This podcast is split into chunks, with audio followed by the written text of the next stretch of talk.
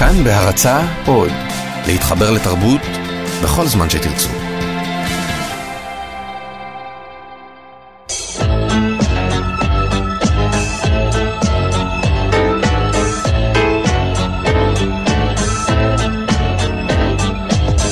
גיבור תרבות הדוקטור דן הרב והדוקטור דוד גורביץ' באולפן עם יונתן גת.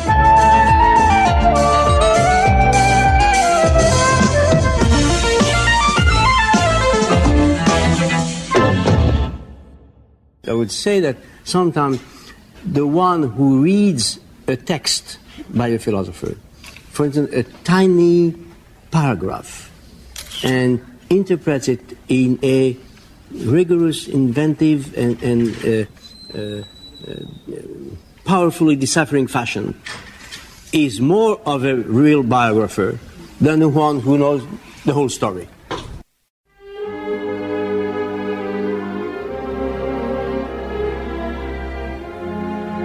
זה היה קולו של גיבור התרבות שלנו לתוכנית הזאת, הפילוסוף ז'אק דרידה, ושמענו אותו אומר שלדעתו, אם האדם מתייחס אפילו לפסקה אחת קטנה של דברי פילוסוף ונותן לה פרשנות יצירתית ועוצמתית, הוא הופך להיות ביוגרף טוב יותר מאשר מישהו אחר שמספר את סיפור חייו המלא. ואולי זאת גם קריאת אזהרה לנו כאן בתוכנית, נצטרך להתחשב בזה, ואנחנו, זה דוקטור דוד גורביץ', אהלן. אהלן. דוקטור דן הרב. היי, אהלן. אני יונתן גת, וכן, השם הזה, ז'אק דרידה, אה, צריך להגיד, לא מוכר בכל בית, בניגוד לגיבורים אחרים שעסקנו בהם, כמו אלפרד היצ'קוק, ליידי גאגה, סטיב ג'ובס. כן, דרידה הוא לחלוטין לא בספירת המפורסמים האלה, אבל יש כאלה שטוענים שהוא אחד מהאנשים החשובים בהיסטוריה של המחשבה על התרבות, ואם אנחנו רוצים להבין כל אחד מגיבורי התרבות שעסקנו בהם בצורה מעמיקה יותר, אנחנו חייבים להכיר את ההגות הזאת של ז'אק דרידה, שמספק mm-hmm. לנו מפתחות כדי להבין איך אנחנו הופכים אנשים לגיבורי תרבות, איך השפה היא זו שבונה ומייצרת לנו אותם, איך היא מייצרת לנו תכנים בכלל, משבשת לנו את התודעה, מחליפה ופושטת צורה. בקיצור, כמה הטקסט חשוב יותר לפעמים מהמציאות. יפה מאוד, אני חושב שפרסת יפה מאוד באופן כללי את חשיבותו של אה, דרידה בתרבות. נחזור למשפט של דרידה שהוא התחיל בו.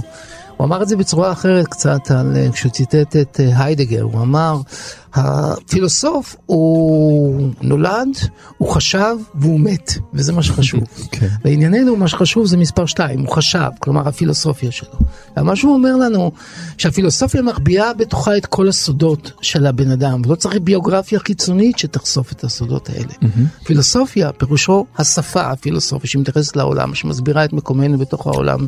היא חושפת את הסודות, את המתחים הפנימיים שבתוך העולם האישי של הפילוסוף, ומאירה את עינינו כשאנחנו יכולים להזדהות עם אותם, אה, עם אותם חתכים תרבותיים, עם אותם אה, תכנים תרבותיים שהפילוסופיה הזאת כובשת. אז מה שאתה אומר, דוד, זה בעצם שהתוכנית שלנו היא תוכנית פרדוקסלית, היא מעמידה במרכזה גיבור שלא מאמין שבביוגרפיה שלו יש איזושהי משמעות. אני חושב שזאת הגדרה מצוינת של התיאוריה שלו, מה שאתה ניסחת עכשיו. זאת אומרת, הניגוד בין התיאוריה לבין הבן אדם, או הניגוד בין הנגלה לבין הנסתר, או הניגוד בין הביוגרפיה לבין הפילוסופיה, זה עצם התיאוריה. כלומר, כן. המתח הזה שבין הצגה של דברים לבין הסתרה של דברים, בין נוכחות של דברים, פרזנס של דברים, לבין מה שמובלע, מוסתר, נדחק. מופנים עליו לחצים וכוח בדברים. כלומר, הפרדוקס הוא שנחשף בפילוסופיה של uh, uh, ז'אק דרידה. זה מה שאנחנו צריכים להבין מה התיאוריה שלו. ועכשיו, מכאן צא ולמד מה האיש הזה רוצה מאיתנו, מה ארגז הכלים שהוא מציע לנו לחשוב על העולם, וכמובן גם uh, מה המשמעויות הפוליטיות, התרבותיות, האקטואליות של התיאוריה שלו. ואם נצליח לעשות את כל זה, נאמר אמן. ז'אק דרידה נולד בשנת 1930 באלג'יר לעקרת בית ולסוכן מכירות בחברת ינות. במלחמת העולם השנייה, עם השתלטותו של משטר וישי על אלג'יריה, הוא סולק מבית הספר בגלל מוצאו היהודי, ומאוחר יותר עבר לפריז. בשנת 1967 הוא פרסם את ספרו הראשון על הגרמטולוגיה, הוא כתב מאז כ-40 ספרים. הוא טען שטיפול פסיכולוגי זה מחוץ לתחום מבחינתו. הוא תמיד חלם להיות שחקן כדורגל, אבל בסופו של דבר הפך להיות שחקן ביליארד מצוין. הוריו מעולם לא קראו אף ספר שהוא כתב. הוא נפטר בשנת 2004, ועוד דבר אחד, כששאלו אותו מה הוא היה רוצה לראות בסרט דוקומנטרי על היידגר, קאנט או הגל, הוא ענה, הדבר שהכי מעניין אותי לדעת זה על חיי הסקס שלהם.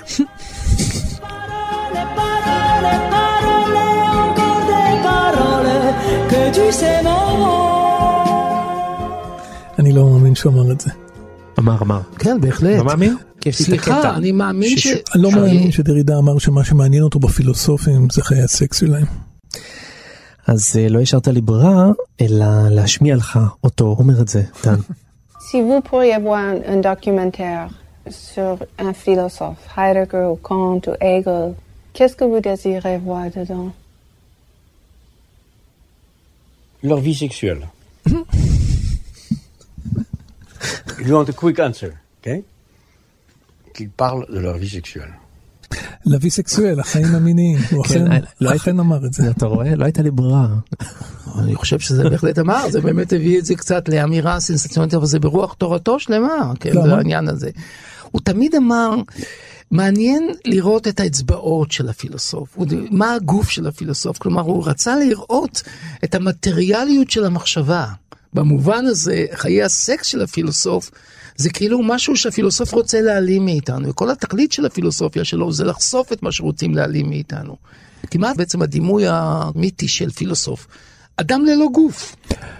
אדם חושב כזה, רוח חושבת. אבל הרוח- הזאת אה, גם אוהבת לעשות סקס, ואולי היא נאמנה לאש- לאשתו, ואולי היא לא נאמנה, ואולי היא נואפת לא נואפת, אבל זה נכנס בציבור, זה מחוץ לקונטקסט. למי זה מעניין? איב מונטן זה מעניין, כי שחקנים זה מעניין. אבל פילוסופים אין להם גוף. מה שדרידה מנסה להגיד כאן, כלומר, באמצעות משפט כזה, הייתי אומר, אה, קליט, זה לפילוסוף יש גוף, לפילוסוף יש סקס, לפילוסוף יש ידיים. יש יחס בין המטריאלי לבין המופשט, וזה תכליתה של הפילוסופיה יש שלי. משהו, יש משהו חומרי, אבל מצד שני הוא בז לביוגרפיה. זה דבר מעניין. הדואליות הזאת. הוא בז לביוגרפיה, משום שהוא חושב שהמחשבה עצמה היא יותר טובה מהביוגרפיה. כלומר, כן. הביוגרפיה היותר אותנטית בנוכחות שהיא מפגינה ובהעלמות ובהבלעות שהיא מסתירה. טוב, אז כשמדברים על אה, דרידה, אני חושב שהמילה שישר קופצת לראש היא כמובן דקונסטרוקציה. ללא ספק. כן, מה זה דקונסטרוקציה לחברים? נסו להסביר. אני חושב שדקונסטרוקציה זה הבסיס להבנה של uh, המחשבה החתרנית של uh, דרידה. בעצם התפיסה שאומרת שכל מערכת היא מבנה של כוח, ואת הכוח הזה צריך לפרק. דקונסטרוקציה משמעו פירוק.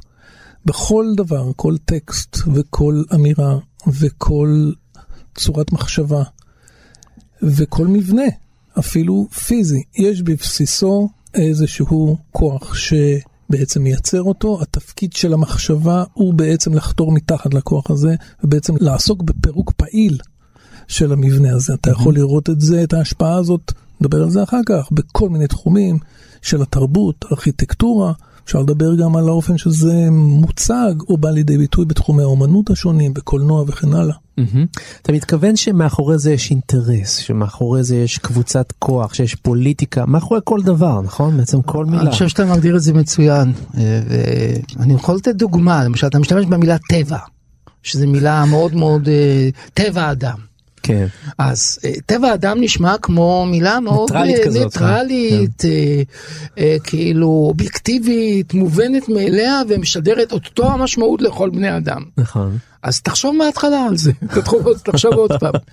כי כשאומרים טבע האדם, ואדם אומר אדם, המחשבה המערבית מאחורי זה אומרת שטבע האדם זאת המחשבה, זה המחשבה, האדם החושב.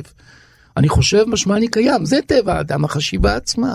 כשאתה אומר על המושג, אה, טבעו של האדם כיצור חושב הוא כזה וכזה, אתה כבר מניח מחשבה שמייצרת מצב שבו התפיסה הרציונלית המערבית היא העליונה, וכל מחשבה אחרת שחורגת מהטבע המהותני הזה של האדם, היא פחות לגיטימית. כן, וגם מי מחליט מה זה טבע? מה זה היחס בין טבע לתרבות? אוקיי, כלומר, ההחלטות על מילים, על שפה, הן בעצם החלטות של כוח, של אידיאולוגיה ושל יצירת ערכים בתוך התרבות. כלומר, שום דבר איננו אובייקטיבי, שום דבר איננו שקוף, שום דבר איננו לא פוליטי. הכל פוליטי, ערכי, לא שקוף, מייצר מערכת כוח בין מרכז לפריפריה. ותפקידה של הדקונסטרוקציה היא לחשוף יחסי כוח אלה ולהעמיד אותם לרשות החלשים. וזה האספקט הפוליטי של זה, ברגע שאתה חושף את זה, אז אתה בעצם יכול להעמיד את זה ל- לטובת החלשים. אני אתן דוגמה רק, כשאתה למשל מדבר על עדות המזרח נגיד, עדות המזרח. כן. אז אתה, זו לא מילה אה, ניוטרלית להגיד עדות המזרח. אבל כי בעצם- העובדה היא שלא אומרים עדות אשכנז. נכון. מפני שהאשכנזים נתפסים כנורמה, כטבע, כמציאות, כמו שאומרים, כמו שאומרים עדות- שחורים ולא אומרים לבנים, הלבן הוא, בדיוק, כמו שאמר... הלבן הוא המובן מאליו, הוא המרכז. כן, כן. יש לפרק את המרכז הלבן ולהגיד כשאתה אומר לבן בעצם, אתה, ב... כשאתה גם לא אומר לבן ואתה מייצג את הערכים של הלבן, בעצם, אתה מייצג בעצם את הכוחניות שלו ומנטרל באיזושהי צורה את המשמעות של האחר בתוך המערכת. תפקידה של הדקונסטרוקציה היא לעורר את תשומת הלב ליחסי הכוחות האלה ולפעול מבחינה פוליטית לשינוים.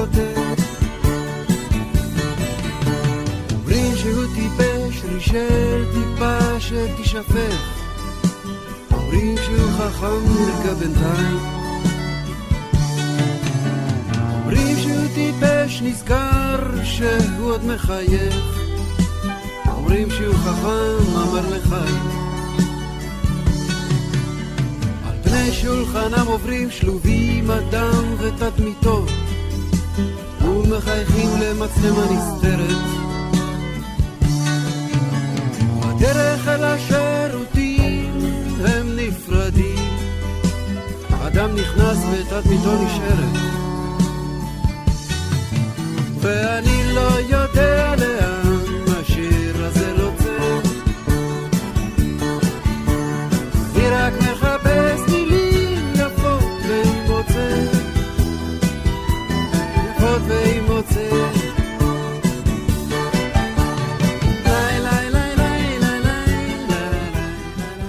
ניתן עוד דוגמה אחת לנושא של דקונסטרוקציה. הוא גם טוען שעצם השימוש במילים מסוימות, בנקיטה, כמו שאתה נתת דוגמאות, דוד, כמו להגיד לא עדות אה, המזרח אלא עדות אשכנז. בוא אני אתן לך דוגמה נוספת, אני מבין אותך, שעצם בוא. השימוש במילה כבר גורם לפירוק באופן אוטומטי. נכון, אני אתן לך דוגמה. למשל. אה, אומרים שעל השחורים הם נורא טובים בספורט. השחורים הם נורא טובים בספורט. למה כן. זה בעצם משפט שאפשר להפעיל את הדקונסטרוקציה עליו? לכאורה, הוא אומר דברים נכונים. כן. נכון, מסתכל. סטטיסטיקה, הרבה, רבים מן השחקנים בכדורסל הם שחורים, וגם אה, ספורטאים אחרים, אתלטים. אתלטים, אלה שרצים את המרתונים וכיוצא בזה, מאפריקה, זה נהדר. כן. אלא מה, כשאתה אומר השחורים הם טובים בספורט, איפה אתה יכול לה, לה, בעצם למשוך משהו נוסף מתוך המסר הזה? אתה יכול להגיד ככה, השחורים טובים בספורט, אבל זה כל מה שהם טובים בו. אבל מה עם מתמטיקה ומה מחשבה? לא, לא, שם הם לא הכי חזקים. נכון, נכון. הם רק גורילות כאלה טובות בלזרוק ולהכניס נכון. לסל.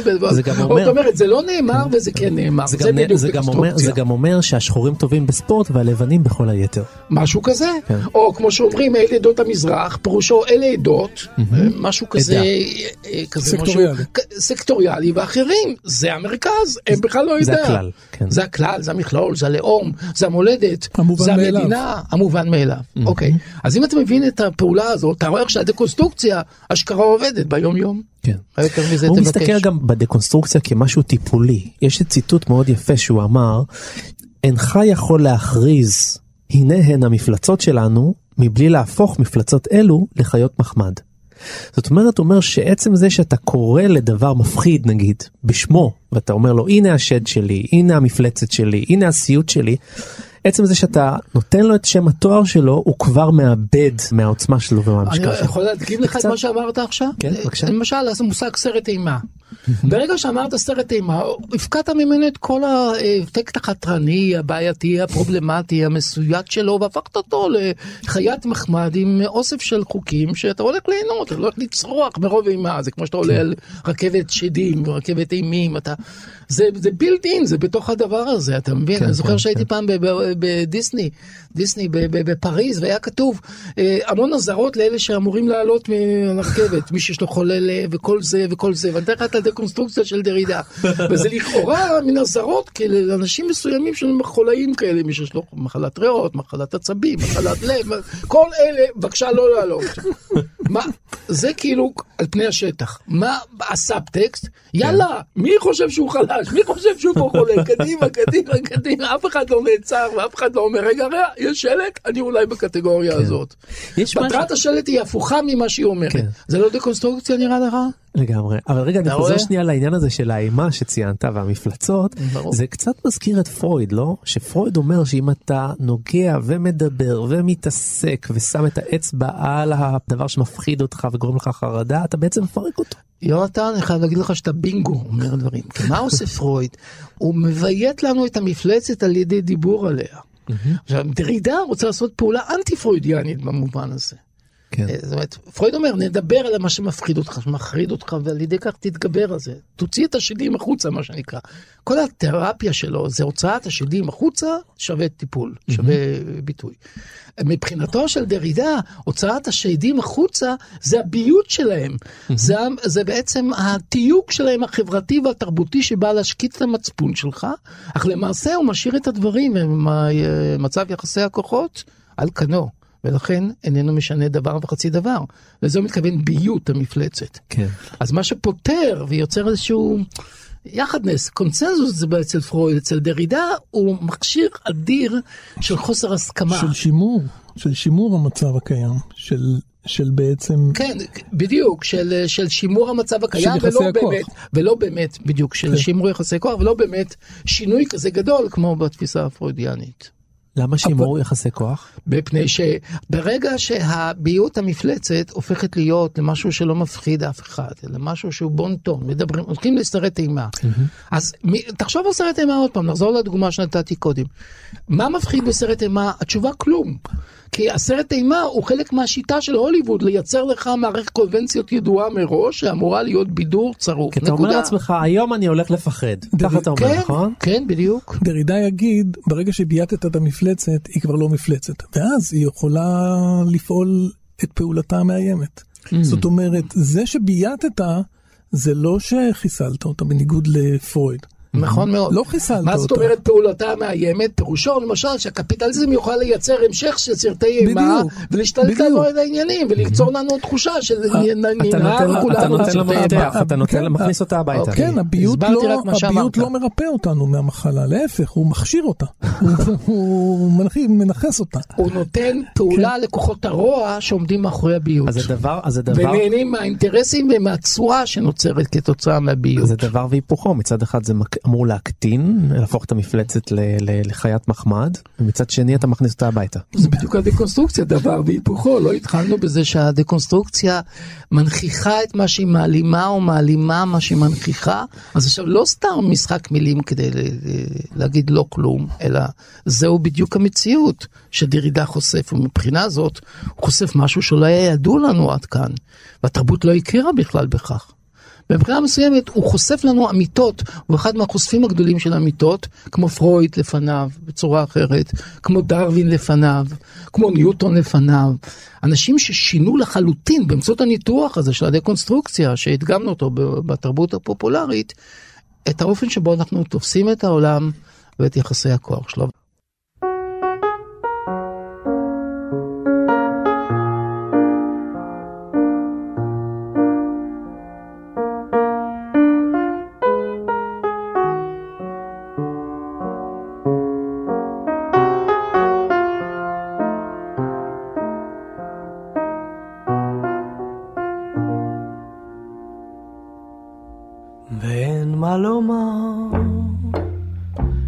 הסתדר דווקא יופי.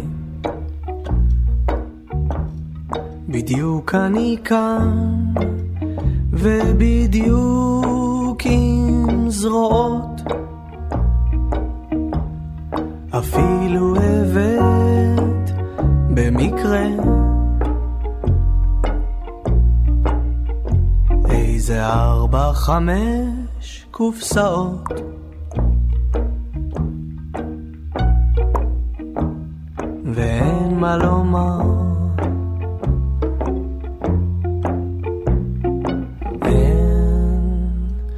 מה לומר לפי הצבא את נראית מאושרת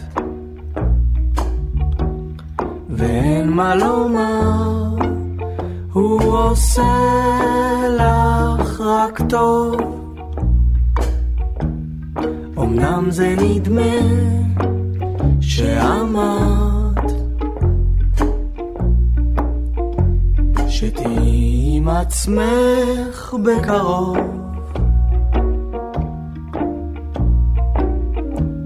אבל אין מה לומר.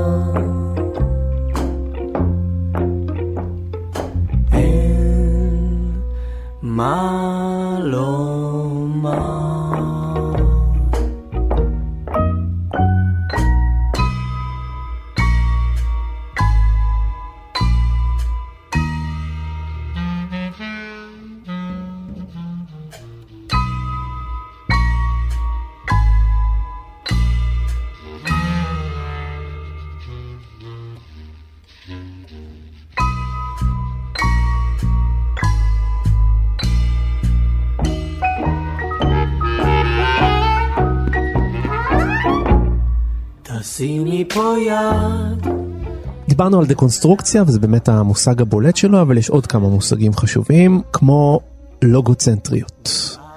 דוד תסביר לנו תבאר לנו את המושג. אז אה, לוגוצנטריות זה אומר שהלוגוס עומד בצנטרום, במרכז. המושג לוגוס יש להבין לא רק היגיון, אלא גם אל, מילה, ביטוי, דיבור. אה, דיבור ויחס, measure, אה, כלומר פרופורציה בין דברים, כלומר כל אלה ערכים אה, רציונליים, כן. אה, בראשית היה הדבר הלוגי, כלומר ככה מתחילה הברית החדשה, בראשית היה הלוגוס, כלומר בראשית היה השכל האלוהי. השכל האלוהי הוא בעצם אותה אמת מטאפיזית שכל המערב נוהה אחריה, אם בתפיסה דתית, האל, ואם בתפיסה חילונית, השכל האנושי, דקארט, אני חושב, משמעני קיים. מטרתה של הדקונסטרוקציה היא לחולל איזשהו שינוי במבנה הלוגוצנטרי הזה, של דעתו של דרידה, הוא מבנה דכאני. ולכן הניסיון שלו הוא להצביע, להציג פילוסופיה שחותרת נגד הלוגוצנטריות, היא אנטי לוגוצנטרית.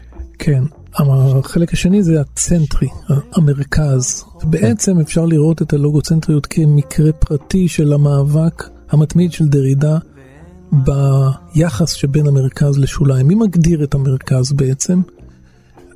הכוח, השולט, נכון? המרכז כן. והשוליים זה, זה, זה על פי הגדרה, כן? השוליים זה הדבר השולי, נכון? זה הדבר הפחות חשוב, זה הדבר הסרח עודף, נכון? משהו כזה. כן. אה, זה לא הסיפור של אה, דרידה שמחפש כל הזמן לשבור את המבנה הדקני הדיכוטומי הזה בין שוליים למרכז. אפשר לדבר בהקשר הזה על, על הביוגרפיה של דרידה, אני חושב שהיא חלק מן העניין הזה, הרי הוא בן אדם שכל הזמן אפשר להגיד היה מוכוון אל המרכז, בחיים שלו כמי שנולד באלג'יר, כמי שנולד כיהודי, כמי שבעצם הגיע לצרפת, כמי שבעצם... סולק. כמי שסולק, כמי שאף פעם לא היה בעצם מרכז בשום מקום. סיטואציה, בכל מקום הוא היה זר, בכל מקום הוא, אפשר להגיד, היה שולי, הוא היה בשוליים. ו- ואני חושב שהמאבק שלו הוא, הוא במידה מסוימת אפשר להגיד שהפילוסופיה שלו נושקת לביוגרפיה שלו, גם אם הוא לא היה חותם על האמירה הזאת. אה, קורות החיים שלו הם קורות חיים של מי שנמצא באופן מתמיד בשוליים. אני חושב שהפילוסופיה שלו הופכת את הדבר הזה לערך. אוקיי? הופכת את הדבר הזה למשהו שאפשר לעבוד ממנו, לא לראות בו פחיתות, לא לראות בו אה, משהו שצריך אה, להילחם בו. אלא משהו שצריך נגיד לקעקע אותו, לקעקע בכלל את ההפרדה הזאת. אתה מסכים לזה דוד? כן, בהחלט. אני חושב ש... שזה ממד פוליטי גם, גם כן. ביחס בין מרכז לפריפריה, במושגים אפילו הישראליים שמדברים כן. על כך. שצריך לנסות להבין שיש מתח כללי בין המרכז לפריפריה. מצד שני, אי אפשר להסיר את המתח הזה ולבטל אותו. אתה לא יכול להגיד, כמו שמנסים להגיד, בוא נבטל את הפריפריה, בוא נקשר את הפריפריה עם כביש 6, לא יעזור אלוהים, תמיד יהיה פריפריה ותמיד יהיה מרכז, משום שיחסי כוח מתקיימים בתוך התרבות, אז זה לימד אותנו הרבה גם פוקו. כן. אז דרידה מבין שיש יחסי כוח, מה שהוא מנסה זה לחשוף את הקיום שלהם, ועל ידי כך בעצם לייצר קצת יותר צדק, קצת יותר יחס בין הדברים, קצת יותר התחשבות במיעוט בעצם, שהוא נמצא בתוך השוליים, בתוך הדבר הזה. אה, דוגמה אחרת אפשר להביא מה- מהעניין הפוליטי, הקולוניאליסטי. אירופה ראתה בתפיסה הרציונלית שלה את המרכז, ואת העמים האלה שהיא כבשה במזרח אה, כאנשים פרימיטיביים, צריכים ללמד אותם תרבות ומרכז. תוך שלילה מוחלטת של אלטרנטיבות בשוליים שהם הציעו. וזה פשוט עניין של דיכוי קולוניאלי, של, זה מקבל צורה של דיכוי כן. פוליטי קולוניאלי של המרכז. את השוליים, ובשוליים הוא מלמד דרידה את השוליים בעצם להתמרד באיזושהי צורה, וליצור יחסים חדשים של כוח. כלומר, תפקידו, תפקיד השוליים על פי דרידה, היא בעצם להילחם במרכז, להיטיב את מצבו, ולחשוף בעצם את תנאי הניצול של המרכז את הפריפריה. ואיתנו נמצא מי שתרגם מכתביו של דרידה, שלום לפרופסור משה רון. שלום רב. תראה, אנחנו מכירים את כתביו ואנחנו מדברים על ההגות שלו, אבל אה, אף אחד מאיתנו כאן באולפן לא פגש אותו, אתה כן. כן, אני הכרתי אותו הרבה שנים.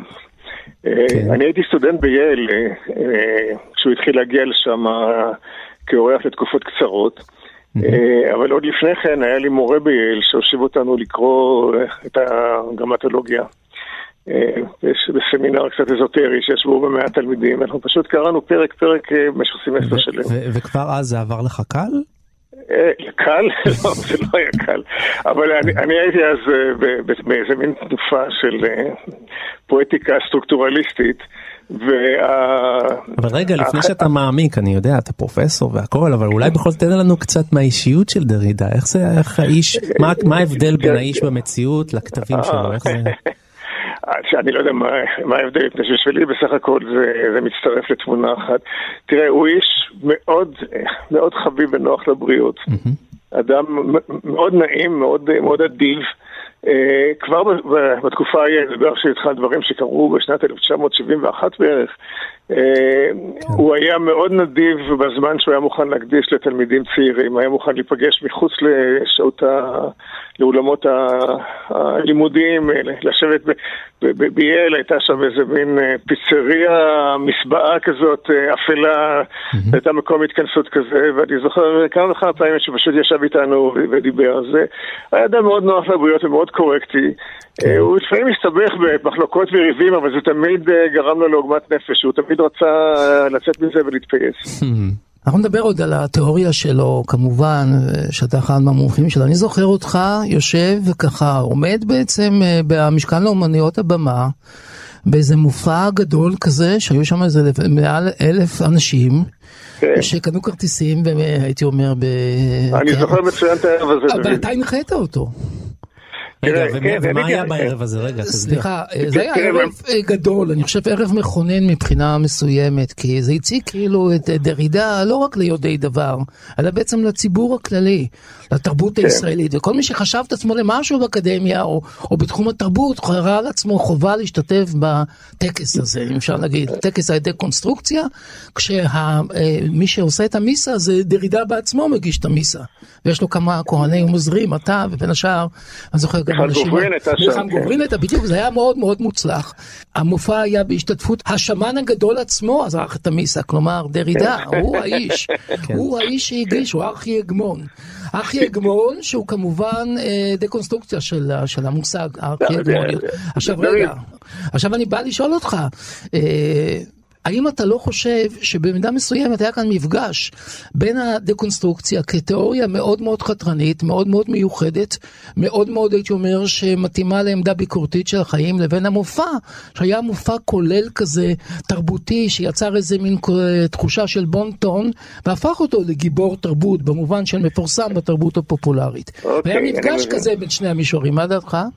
אני, אני חושב ראשית שאתה צודק שזה היה מין מפגש כזה. אני חייב לומר לך שהמפגש הזה נוצר לדעתי כתוצאה מאיזשהו סוג של אי הבנה או של איזה מערך נסיבות מסוים. אני, אני לא יודע מי, מי בדיוק אה, היה הספונסר של הביקור של דרידה כאן, אולי זה היה המכון הצרפתי, אולי מישהו, אבל בכל אופן הוציאו את, ה, את הג'וב הזה של אה, אמרגנות הערב הזה לאמרגן פרטי. והוא עשה לזה קמפיין ומכר כרטיסים ויצר את, ה, את המופע הזה שאתה תיארת, היו שם קרוב לאלף אנשים. אבל אם היית שם ושרדת עד הסוף, אז יכולת לראות שני דברים. ראשית, שכשזה, ש- שלושה דברים. ראשית, דרידה היה צריך שם לתפקד אקס טמפורי, ל- ל- לאלתר באנגלית. האנגלית שלו הייתה מצוינת, אבל הוא מאוד לא אהב לאלתר באנגלית. כשהוא היה מוכן לפעמים לקרוא טקסטים שמישהו עזר לו לתרגם לאנגלית, אבל הוא לא אהב לנהל דו-שיח אה, מפורט מאוד באנגלית. הוא עשה את זה שם, כי הוא הבין שזה מתבקש, זה דבר אחד. הדבר השני הוא שהוא, כשהגיע שלב השאלות, אז הגיעו שאלות מהקהל, שחלקן היו שאלות של אנשים מאוד משכילים ומומחים באיזשהו תחום, פילוסופיה של המשפט או משהו כזה או אחר. הוא ענה להם בצורה מאוד אקדמית, ו... והיו שאלות תם מ- מאנשים יותר, פשוטים בקהל, והוא הוא, הוא, שהרשים אותי זה שהוא הגיב להם באותה מידה של רצינות וניסה לדבר איתם בגובה העיניים. והדבר השלישי שבלט, אם היית שם עד הסוף, זה שחלקים נכבדים מהבורגנות התל אביבית החביבה שלנו, ככל שהערב התקדם, זה היה קצת כבד עליהם והם התחילו ללכת. נכון. זה נכון מאוד. אז זאת אומרת, אה, בעיניי בכל אופן, הרעיון הזה של אה, דרידה הוא אחד הדברים המופלאים של כאילו התקשורת התרבות העכשווית. זאת אומרת, מצד אחד פילוסוף מסובך ביותר, ביקורתי ביותר, חתרני ביותר, ומצד שני, הפילוסוף המקובל על הבורגנות בסופו של דבר, על האקדמיה, על הבונטון, דבר שהפך בעצם בעצם לטעם הנכון בשלב מסוים, כמה אירוני. כן, אבל אני לא חושב שהוא חשב שהוא פונה דווקא לבורגנות. כמובן זה ברור שכדי לדבר ברצינות על הדברים שעניינו אותו, הוא היה צריך בני שיח אה, עם השכלה פילוסופית. יותר דרך אגב ממה שיש לי, אני לא, אני לא למדתי פילוסופיה. פרופסור רון, בשיחה המקדימה שלנו, אתה אמרת לי שאתה לא כל כך אוהב את הציוות הזה שבין דרידה לבין הביטוי גיבור תרבות. אתה חושב שזה קצת צורם. אולי תסביר לנו למה הכוונה. לא, אתה יודע מה, אני בדיוק לזה, אני לא חשבתי באמת על הערב ההוא שדוד הזכיר קודם, אבל זה בדיוק אירועים מהסוג הזה. בשביל זה אני פה. סליחה? בשביל זה אני פה, להזכיר לך. כן. כן, אז, אבל, אבל בדיוק אותה אי נוחות שתיארתי, אני הייתי שם על הבמה, ואני מצד אחד, אני, את, אתם מבינים שאני מאוד מסמפת את דרידה, ואני... ברור, ברור, לא, אבל זה מעניין מה שאתה אומר, אתה חושב שה... מצד שני, אני הרגשתי שזה לא הדרך הנכונה לחשוף את, את האיש ואת מה שיש לו לומר. ואני אני, אני חושב שיש משהו, יש איזו רומנטיזציה במושג... גיבור תרבות שלא ממש נוח לי איתה, אני לא, זה לא משהו שאני פוסל או מתנגד לו וזה... אתה יודע, משה, זה, זה לא מושג נולד במאה ה-20 ובטח לא לכבודו של דרידה בלבד. הכוונה בגיבור תרבות היא תמיד שהוא בעצם אינטלקטואל שפורץ את גבולות המקצוע וגבולות הידע של המקצוענים כן. בתחום ופונה מה שנקרא לתרבות הכללית. כמו אלברט איינשטיין, כמו אלברט איינשטיין שהוא לא רק מדען אלא הוא הרבה מעבר. במובן הזה חברים אני לגמרי מוכן לקבל את הביטוי הזה, אבל ברגע שההתעניינות בוויטגנשטיין היא בזה שהוא לבש חולצות פלנל למשבצות, זה הרגע שבו היותו גיבור תרבות לעניין אותי. פשוט האופנה של ויטגנשטיין הייתה הרבה יותר מעניינת מהאופנה של דרידה, זה ברור לגמרי. דרידה לבש חליפות מחויטות, כן. זה עדיין משעמם. אני חושב שגם הפן הזה של ההתעניינות האישית שלפעמים גובלת ברכילות, זה בסדר, אבל אין לזה את אותו ערך כמו את ההתייחסות. אבל אתה יודע שדרידה בעצמו, דרידה בעצמו אמר שצריך להבין שיש גם רכילות וגם תוכן גבוה וחייבים לחיות עם השניים. בוודאי, אבל אני לא, אני לא אכנס לרכילויות על החיים שלו, יש הרבה דברים שהוא לא כך שמח שיוודאו בציבור. למה לא? אתה יכול. פרופסור, אתה יכול בהחלט. אם אתה רוצה, בבקשה. סליחה? למה שלא תיכנס? אתה יכול להיכנס. לא, לא, למשל, למשל, לא אשאל לא אותך, יכול, אני לא שאלה בעניין הזה, ממה שידוע לי. ידוע שדרידה לא מל את בנו. איך אתה חושב את זה? העובדה שהוא לא עשה לו ברית מילה עולה בקנה אחד עם התפיסה הפילוסופית שלו. אה, אני חושב שיש לזה הסבר, שמעתי כמה פה ושם, מה דעתך? אני, אני, אני אודה לבושתי שלא קראתי את הספר הזה, למרות שהוא אפילו תורגם לעברית. אני, אני, ההתעניינות שלי בדרידה והידע שלי בדרידה הוא יותר בשלב המוקדם, היותר, איך להגיד, פילוסופי, לשוני אה, ש- של, של משנתו. את את הספר המסוים הזה לא קראתי.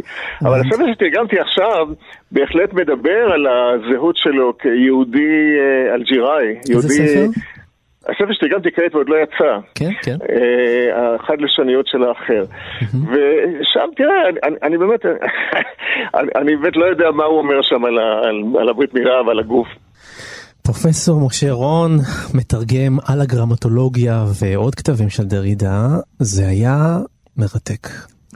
תודה רבה. טוב, נצטרך להמשיך בזה פעם, חברים. כן, בהחלט, בהחלט, בהחלט.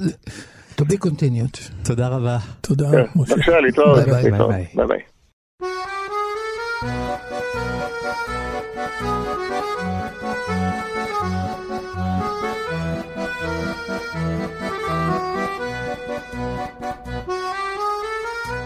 Donc le geste que je fais quand je parle de pardon pur et impossible est un autre geste.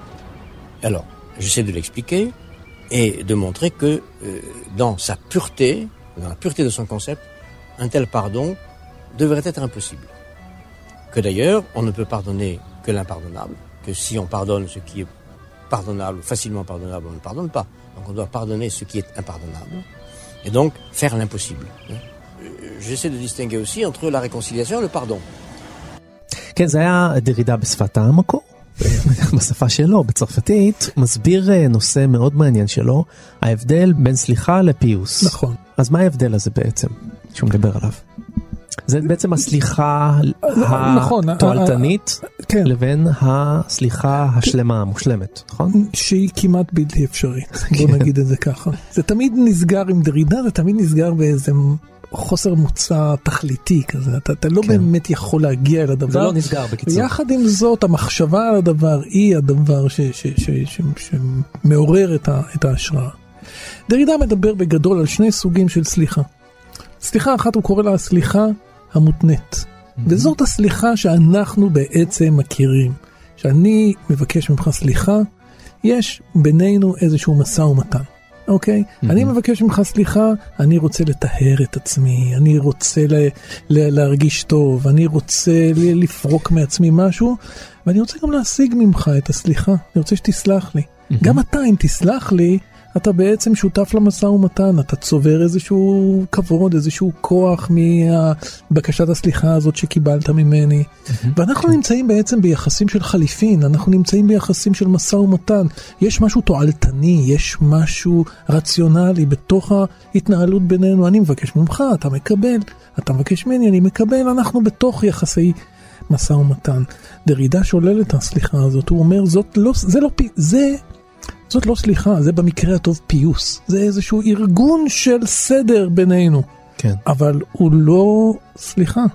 הסליחה האמיתית היא הסליחה הבלתי מותנית, סליחה שאין בה תנאי, אוקיי? סליחה שהיא מעבר לשיקולי עלות ותועלת, מעבר לשיקולי כדאיות. יש סליחה כזאת? יש סליחה כזאת? מאוד מאוד מאוד נדירה. האם אנחנו יכולים להגיע למצב שבו נבקש סליחה, תחשוב על, ה, תחשוב על הסכסוך. תחשוב על הסכסוך. תחשוב כמה קשה. כן. אם אני כבר רוצה ואני מוכן להתפייס, אני מוכן לבקש סליחה, זה תמיד, מה אתה נותן לי? מה אתה נותן לי בתמורה? אין שום דבר מחוץ לתחשיב רציונלי, אין נכון, שום דבר... הפיצוי, הקטע של הפיצוי, תמיד רוצים מ- פיצוי. כן. אפילו תחשוב בין הורים וילדים זה בדיוק אותו דבר. אנחנו מחנכים את הילדים שלנו לבקש סליחה כדי לקבל אולי משהו בתמורה. אם לא אם לא תבקש סליחה אני לא אתן לך את זה. מה הקשר? אומר דרידה. סליחה היא משהו שאין בו תנאי סליחה אמיתית. צריכה לבוא ממקום אחר לגמרי. סליחה אמיתית היא מקום של התקרבות, והתקרבות לא יכולה להיות תוצאה של משא ומתן ואינטרסים, זה, זה ברור לגמרי. זה, אותו דבר אני אומר לגבי היחסים בין, בין יהודים לגרמנים למשל.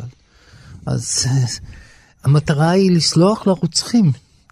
לסלוח כלומר, להגיע למצב הבלתי אפשרי הזה, שבו סליחה לא, לא נותנת לנו שום יתרון בזה, להפך, היא עושה לנו חיסרון במרכאות. כלומר, היא לא... מנשלת אותנו ועושה אותנו מהנכסים. הנשק האסטרטגי שלנו, שזה רגשי אשמה והפעלת השואה כל הזמן מחדש, כדי להשיג, אה, הייתי אומר, רווחים פוליטיים כאלה ואחרים. אז זה זה דבר ידוע שהנשק הזה נוצל היטב. כן. בכל השנים האלה מאז השואה. זה הצורך של בני אדם אה, להתקרב למציאות שהיא מעבר לרציונלי. זאת אומרת, לפרק את ההסכם הרציונלי, אתה כן. תיתן את זה, תקבל את זה חזרה. אז אתה מעבר לרציונלי, אתה בעצם מפרק את הרעיון הזה של קרבה או אינטימיות פירושה תן וקח, אלא אתה מעבר לתן וקח הזה, ידי כך אתה מגיע לאיזושהי צורה של אהבה. והאהבה הכי גדולה שלך צריכה להיות לרוצח שלך. כן, זה, זה רעיון. כי החוכמה הקטנה היא לאהוב את מי שאוהב אותך. החוכמה הגדולה במרכאות היא לעשות את הבלתי אפשרי, לפחות כאוטופיה, כן. כמו שאמרת דני, זאת אומרת זה, זה לא פשוט, זה לא עניין של מה בכך. רוב האנשים יגידו לך לא, אנחנו לא ניתן להם את המתנה בדיוק. הזאת, אנחנו לא נסלח להם, אנחנו רוצים עד אה, סוף הדורות לקיים להם תחושה של אשמה נצחית, כי על ידי כך אנחנו מבטיחים את עצמנו, אנחנו מבטיחים את הכסף שנקבל מהם, אנחנו מבטיחים את, ה, את המחשבה המוסרית שלהם לדורות, החינוך שלהם, לא יודע מה, יש לזה כל מיני הסברים. לא, אתה צריך לפעול למען עצמך, לא למען זה שאתה סולח לו. כן. אתה סולח בשביל עצמך, ואפשר להגיד מהיתרון הפסיכולוגי שנוצר לך כסולח. אתה יודע מה זה מזכיר לי? אתה זוכר את אריק שרון, איך הוא הסביר את ההתנתקות? אנחנו מתנתקים בשביל עצמנו.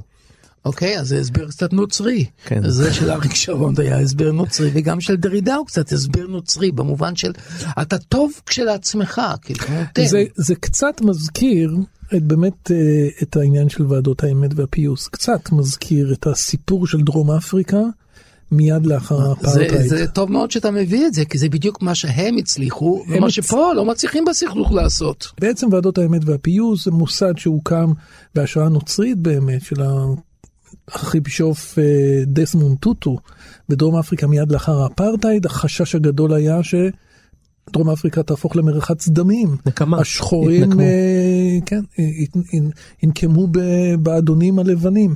בפועל מה שקרה זה שהם מיסדו בעצם את התופעה הזאת שהם קראו לה ועדות האמת והפיוס והם הבטיחו לאנשים מה, מהצד המדכא, מהצד הלבן, חנינה מוחלטת.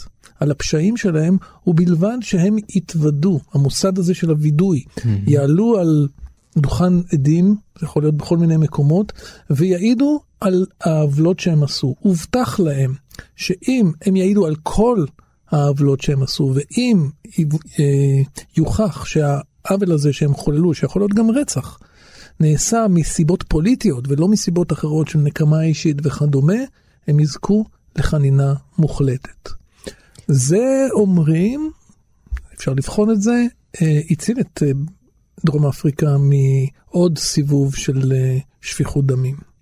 כי זה יכול היה באמת, אחרי שהשחורים עלו לשלטון, היו עושים שפטים בלבנים לגמרי. באמת. אני לא בטוח שזה, סליחה, במובן הדרידיאני, אני ממש לא, לא בטוח שעל זה אנחנו מדברים, אבל אבל אני חושב שזה משהו. הבנה כן. של חוסר היכולת בעצם לסלוח, ובעצם באיזושהי דרך לעקוף את הדבר הזה, דזמונד טוטו קרא לזה, אנחנו יצרנו צדק שהוא משקם. לא צדק מעניש, אלא צדק ש... משקם, אנחנו לוקחים את הסכסוך הזה ובעצם בונים איזשהו מבנה שמשקם את החברה בכללותה, לא מתחשבן עם צד אחד ונוקם בצד שני.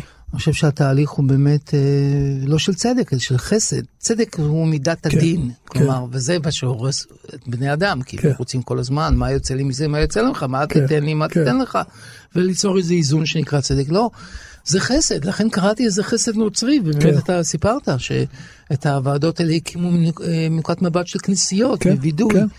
אה, תחשוב רגע על הפלסטינים והישראלים, כי לקחת את זה כדוגמה נוספת. לך. במיוחד, קשה בכלל לדמיין כן. דבר כזה.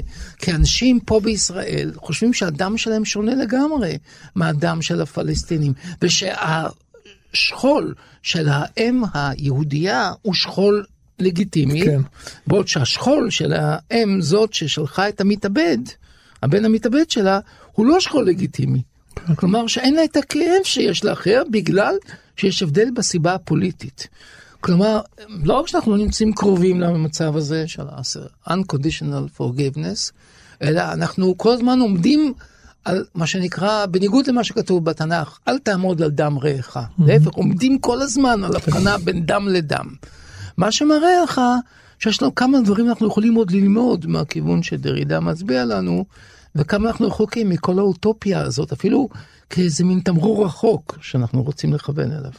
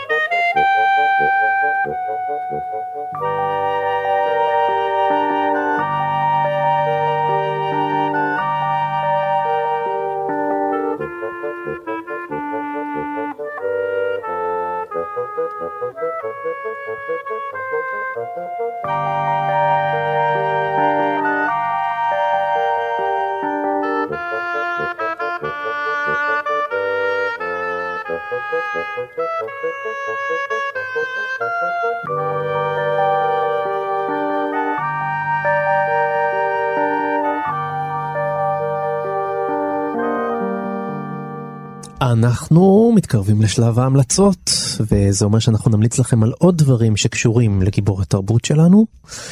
אני אמליץ לכם במקרה הזה של דרידה להיכנס ליוטיוב ולהביט בדוקומנטרי שפשוט קוראים לו ז'אק דרידה. אתם תמצאו את זה צ'יק צ'אק, תכתבו ז'אק דרידה, דוקו. זה שעה וחצי שחלקה באנגלית חלקה בצרפתית אבל זה הכל מתורגם לאנגלית. ושם הבמאית עוקבת אחרי דרידה, אני חושב שזה היה באמצע שנות התשעים, אחרי מסע ההרצאות שלו מול סטודנטים, וגם פוגשת אותו בחייו האישיים, הקטנים, הדברים הקטנים של היום יום. מאוד מעניין. דוד? אה, תראו, קודם כל צריך לקרוא קצת בכתביו של ז'אק דרידה. וזה לא משימה קלה, אז אני מתלבט מה להציע לכם, שזה לא הקריאה הראשונה, תהיה גם הקריאה האחרונה. זה לא המטרה שלנו כאן, כן. להפך, אז אני אומר, בואו נלך על טקסט אה, קצר יחסית, שנקרא מחלת הארכיב, שיצא בעברית. בהוצאת? כן. שם בעצם uh, הוא משתמש בארכיב כדי להדגים באופן כללי את הפירוק של מנגנון הכוח, שזה תפקידה המרכזי של הדקונסטרוקציה שהיא תורתו. אה, זה, יש בזה טרמינולוגיה וצריך לצלוח קצת את השפה המיוחדת שלו ואת הפתלתלות הזאת, אבל המאמץ כדאי, כי בסופו של דבר אתם מבינים כמה אתם פיונים שאף אחד לא סופר אתכם, אלא אחרים תופסים את המושכות ואתם סך הכל פיונים של השיטה. אתה אומר אתם, אתה מתכוון גם אלינו, לא? אתם זה אנחנו, לצורך העניין, כן יונתן? כן. דן? אני לא, לא אמליץ על uh, ספר של דרידה וגם לא על uh, סרט. אני, אני חושב שנכון להסתכל על המורשת הדרידיאנית, אם אפשר לומר כך, בחיי יום יום, במוזיקה שאנחנו שומעים, בסרטים שאנחנו צופים בהם, mm-hmm. במבנים שאנחנו אולי צופים בהם ואולי חיים בתוכם. אפשר למצוא את דרידה במקומות האלה, אפשר למצוא אותו בקולנוע, אפשר לחשוב על קוונטין טרנטינו כמייצג אולי של קולנוע שיש בו מן הדקונסטרוקציה. כמו כלבי אשמורת לדוגמה, שעושה איזשהו משחק שהוא כולו אה, חוצה זמנים ו- ו- ו- ולא מציית לשום איזושהי משמעות אחת קוהרנטית, ברורה ונעולה וסגורה. Mm-hmm. אפשר לראות את זה במוזיקה, אני מתחיל, אני יכול לחשוב על הסקרצ'ינג, אותו, אותו סגנון הזה של, של, שכולו מבוסס על, על שריטות כאלה של תקליטים וכן הלאה, ושכבות על גבי שכבות על גבי שכבות, אין שוליים, אין מרכז, הכל זה איזה מין...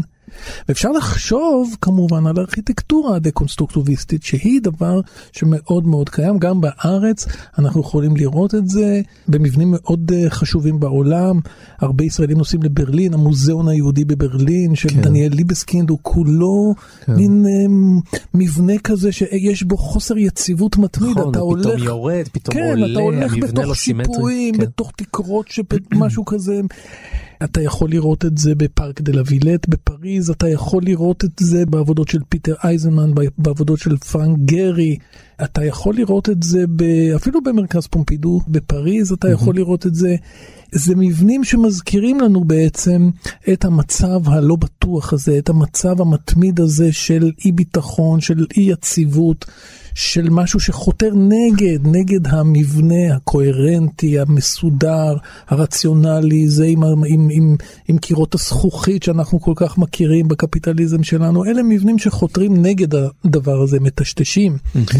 את העמדה המאוד מאוד כוחנית הזאת של הארכיטקטורה ההייטקית, נאמר כך. אלה לא יצירות של אה, דרידה, אבל אין ספק שהמורשת הדרידיאנית או ההגות הדרידיאנית או ההשפעה הדרידיאנית mm-hmm. נמצאת בתוכם. אני לא יכולתי לחזות שכך זה ייגמר. סיימנו, אנחנו רוצים להגיד תודה לטכנאי שלנו שרון לרנר, לאייל שינדלר שהביא אותנו כאן לשידור. אתם מוזמנים להיכנס לעמוד הפודקאסטים של אתר תאגיד השידור הציבורי, שם תוכלו לשמוע את כל התוכניות שלנו, גיבור תרבות. הכי כדאי לעשות את זה אגב ביישומון שנקרא כאן אודי, שם תוכלו לשמוע את כל ההסכתים של גיבור תרבות. תודה רבה לך, דוקטור דוד גורביץ'. תודה רבה, יונתן. תודה רבה לך, דוקטור דן הרב. תודה, יונתן, תודה, דוד. אני יונתן גת, ואנחנו נחזור אליכם אה, בשבוע הבא עם אה, תוכנית חדשה וגיבור חדש, ואנחנו מבטיחים לחזור שלמים, אנחנו לא נתפרק עד אז. נתראה בשבוע הבא. ביי ביי. ביי ביי. ביי ביי. שכך זה ייגמר